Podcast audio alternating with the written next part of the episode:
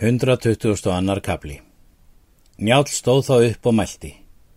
Þess byði ég Hallaf síðu og Flosa og alla Siffúsonu og alla vora menn að þér gangið eigi braut og heyrið málmitt. Þeir gerðu svo. Hann mælti þá.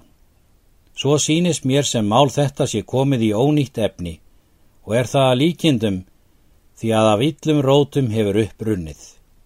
Vil ég yður það kunnugt gera að ég unni meira höskuldi en sónu mínum og þá er ég spurði að hann var veginn þótti mér slögtið sætasta ljós augna minna og heldur vildi ég mist hafa allra svona minna og lifði hann. Nú byrð ég þess hallaf síðu og Runolfur Dal, Gissur Kvít og Einar Þveraeng og hafur hins baka að ég ná að sættast á víg þetta fyrir hönd svona minna og vil ég að gerum þeir er best eru til fallnir. Þeir gissur og einar og hafur töluðu langt erindi sínu sinni, hver þeirra, og báðu flosa sættast og héttu honum sinni vinátti í mót. Flosi svaraði þá öllu vel og hétt þó eigi.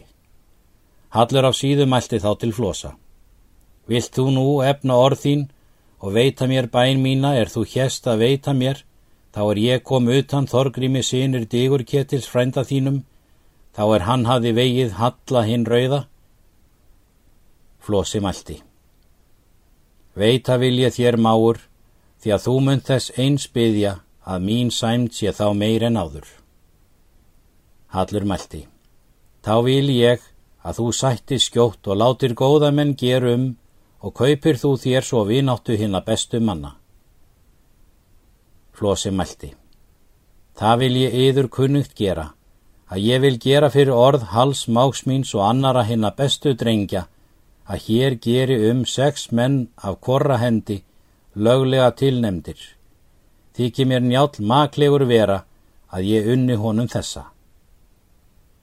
Njál þakkaði honum og þeim öllum og aðrir þeir er hjá voru og hvaðu flosa vel fara. Flosi mælti.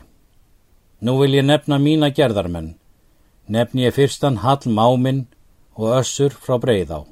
Surt Áspjarnason úr Kirkjubæ, Móðolf Ketilsson, hann bjóð þá í ásum, Hafur hins baka og Runolf úr dal og mun það einmælt að þessir séu best tilfallnir af öllu mínum mönnum.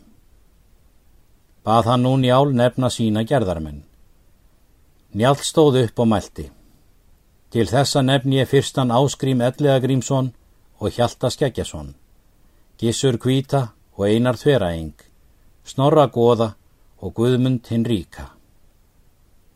Síðan tókust þeir í hendur njál og flósi og siffúsinir og hann salaði njál fyrir alla sónu sínu og kára máksinn það sem þessir tólmenn dæmdu og mátti svo að hveða allur þínkeimur yrði þessu fegin voru þá sendir menn eftir Snorra og Guðmundi því að þeir voru í búðum sínum. Var þá mælt að dómendur skildu sitja í lögréttu en allir aðrir gengu í braut.